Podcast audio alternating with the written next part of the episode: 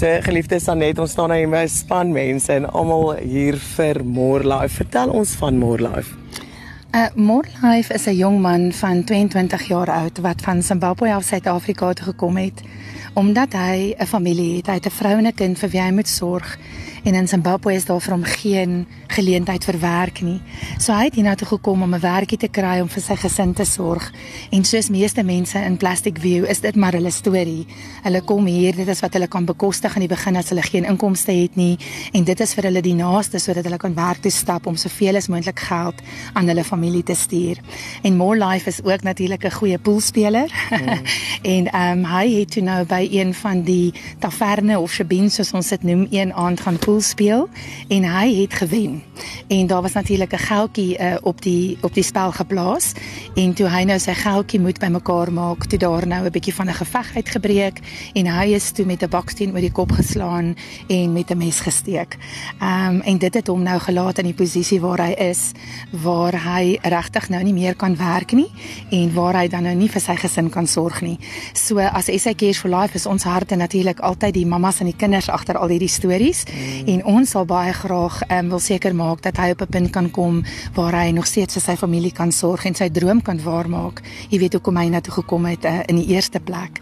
Um en soos ek voorheen gesê het, um ons weet dat daar is 'n probleem hier binne van jy weet die tavernes en die kroë wat ons probeer toemaak op 'n sekere tyd en om die mense veilig te hou en daarom het ons toe intussen saam met die leierskap van die gemeenskap um toegangsbeheer opgesit by die ingang van die kamp waar ons nou kan beheer toepas oor die hoeveelheid drank wat inkom, uh die hoeveelheid kriminele wat inkom. So ons het nou vir die eerste keer in die 14 jaar um wat hierdie kamp hier is, het ons nou 'n bietjie beter beheer om te kan sien wie kom in en uit en hoe kan ons die gemeenskap uh beter versorg en beskerm want ons wil natuurlik nie nog uh, sulke gevalle hê soos wat met More Life gebeur het nie. Oh, wow, dankie. Dankie vir die leiers en dankie aan julle ook wat die leiers lys aan het. Ja, dit dit, dit is baie belangrik om jy weet um, saam met die groter gemeenskap te werk. Hulle sê altyd it takes a village. Mm. En dit is regtig wat dit is en dit is vir ons net moontlik om te kan doen.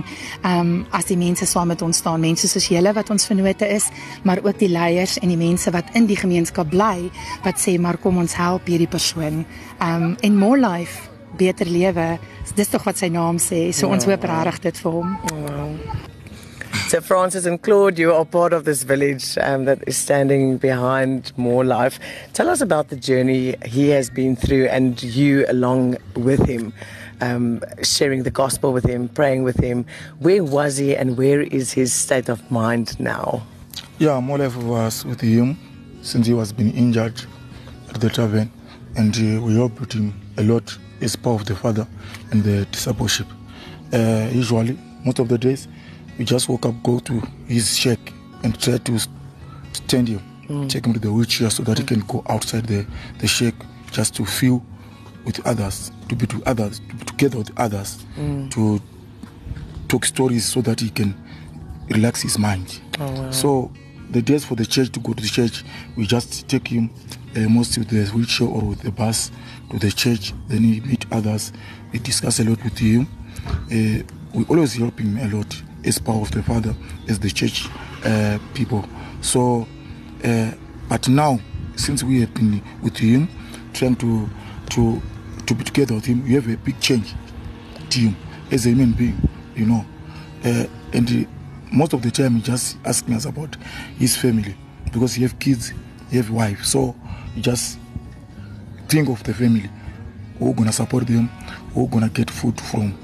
As the family. So now it seems things going uh, a little bit better as if you, you, see there's a big change on him. Oh wow thank you. Thank, thank you, you francis. Thank you for your unconditional love nee? thank you. Support. Thank you. Yeah, thank you. Uh, yes, Claude is my name, and, and as Francis indicated, we're a group of volunteers that, let's say, that that spread the gospel in, inside the village, spread the love of Jesus Christ, Uh, we started a discipleship group about a year ago, and, and, and More Life comes to the group thanks to Francis and oh, the bus. Yes. He collects More Life, or they collect More Life, and they bring them to the to the discipleship group that that's at at, the, at a little school that Sanet runs, mm-hmm. um, uh, SA Cares for Life, and yeah, the the main idea is to to say to people that perhaps are less fortunate than others that Jesus is there. Jesus loves them just as Jesus loves all of us. Yes, um, amen. Jesus does not have a list of so called rich people and poor people. Um, so we're trying to spread that message in the village and we're praying for the Holy Spirit to dwell over this village. So, in essence, yes, that's what we do. Oh, well, thank you. Thank you. Geliefde Almarie, so jy is nou hoofsuster hier by Woodline Village Kliniek. Vertel ons van Morlife se vordering. Goed. Ehm, um, soos almal nou weet, hy het nou die ongeluk gehad. En ongelukkig ehm um, het hy 'n traumatiese breinbesering gehad en dit kom nou met baie uitdagings. So sy traumatiese breinbesering het in 'n basies mobiliteit van sy ledemate verloor. Ehm um, aan die een kant van sy lyf. So omdat hy nie die nodige terapie gekry het nadat hy nou uit ICU uitgekom het nie, ehm um, hy's direk half teruggestuur in die village in, het hy vir 2 maande lank net in 'n kamer, 'n donker kamer gelê wat hy nie kon mobiliseer nie. So toe ons hom éventueel nou kry, toe hulle dit vir ons onder ons aandag bring dat hy daar is, Toe was hy heeltemal bedlend met 'n bedseer. Um ons het daar 'n eerste aandag gegee en ons het bietjie uitgevra of daar iemand is om te help nie. Um Claude het toe um te hore gekom van 'n arbeidsterapeut. Sy het uitgekom en 'n evaluasie op hom gedoen. En ongelukkig was dit eintlik half te laat. So hy het nou half permanente skade opgedoen. Um hy het nou kontrakture in sy linkerhand en sy regterbeen. En wat ek nou bedoel met die kontraktuur is Hy kan glad nie sy been verder as 90 grade buig nie. So hy het nou basies um 'n splint nodig waarvan ons praat om te keer dat daai spiere verder verkort. Um ons kon toe vir 'n rolstoel kry, baie basiese ene, um waarmee hy ten minste net uit die bed uit kon kom. So ja, dit is um al hierdie dinge bring nou sy eie um, moeilikheid mee want as hy nou die hele tyd lê, hy kry allerlei infeksies in sy longe sy bene verkort. Daar's nie iemand om hom terapie te doen nie want hy is ongelukkig ongedokumenteerd en so tipe persoon het daaglikse terapie nodig. So ons probeer nou maar waar ons kan help, maar ja, hy het regtig hierdie um splint vir sy bene en sy um hand nodig om hom net bietjie meer onafhanklik te maak en om te keer dat daar verdere um skade kom. So, Amri, hoe kan die gemeenskap help? Hoe kan ons betrokke raak? Wel, eerste prys sou wees as ons geld kan insamel dat hy by 'n um, 'n ortotis kan uitkom wat vir 'n spesiale splint kan maak vir die been en vir die hand. En ehm um, ja, net om miskien 'n evaluasie elke nou en dan te doen. Dit is my moeilik om die gemeenskap te kry met om te oefen. Want ehm um, mense wat in die hospitaal is en mense in rehabilitasie het al daai mense tot hulle beskikking om hierdie um, terapie met hom te doen wat Morelife nou nie het nie. So ons wil net ja, as iemand kan help om net die skade miskien so ver as moontlik te kan beperk. Yes, en om miskien ook net iemand aan boord te kry wat in um palliatiewe sorg spesialiseer, net om 'n bietjie leiding te gee oor hoe ons hom kan help met die regte medisyne. Okay, wonderlik. James Almarie en Claude en Pierre en Francis en Sanet, almal wat hier so is, Ezekiel, there you are. Um ons het gehoor van Morlife se storie en onmiddellik was ons inspired en ons wil vir hom 'n nuwe vertrekpunt skep. Nie ons nie, ons Here. En uh, daarom het ons ook voelers uitgesteek na Dr. Helene Bason, 'n uh, ortopediese chirurg van Operation Healing Hands en uh, sy wil hom baie graag sien. Dit sou fantasties wees.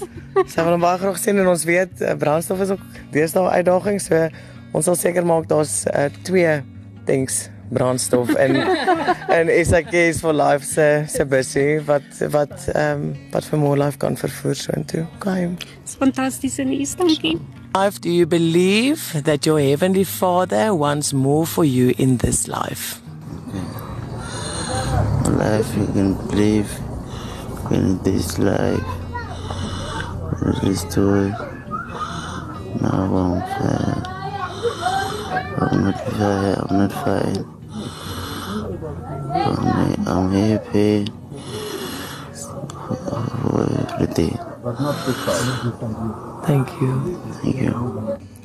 So Ezekiel, you are also a vital part of this village, supporting and loving, and uh, yeah, just carrying more life. Tell us about your journey with more life. All right, I think my my journey with more life is like when we got to hear about him and got to know him. Then we started journeying with him and uh, also carrying some stuff for him, you know, food and stuff, wow. going to the village. and uh, at times having to carry him to one of the to the meetings, prayer meetings. As my business in the village is like outreaches, evangelism in the village, and I think I found him as one of the good candidates for gospel, for hope. Wow. You know, because yeah, I think he's like in that kind of like a hopeless kind of, of hopeless kind of situation, whereby it seems like nobody cares. Mm. But I think yeah, this is where our journey started. And how I'm journeying with him, and Oh, yeah, thank you. and sharing. Thank you, Ezekiel. And that's as you said, um, as if life has given up on him, but all he wants is more life. né? life, Uh, yes. his name is so significant. Yes, it is. Thank you, thank you. So you are bringing him food, Ezekiel. Yes, sometimes I do take some stuff for him. Wow. Yeah. Thank you so much. And therefore, I am going to give you, Ezekiel, 1,500 Rand spa voucher. Okay. For yourself and to help more life as well. Okay. Thank you. Okay. Great. Thank you very much.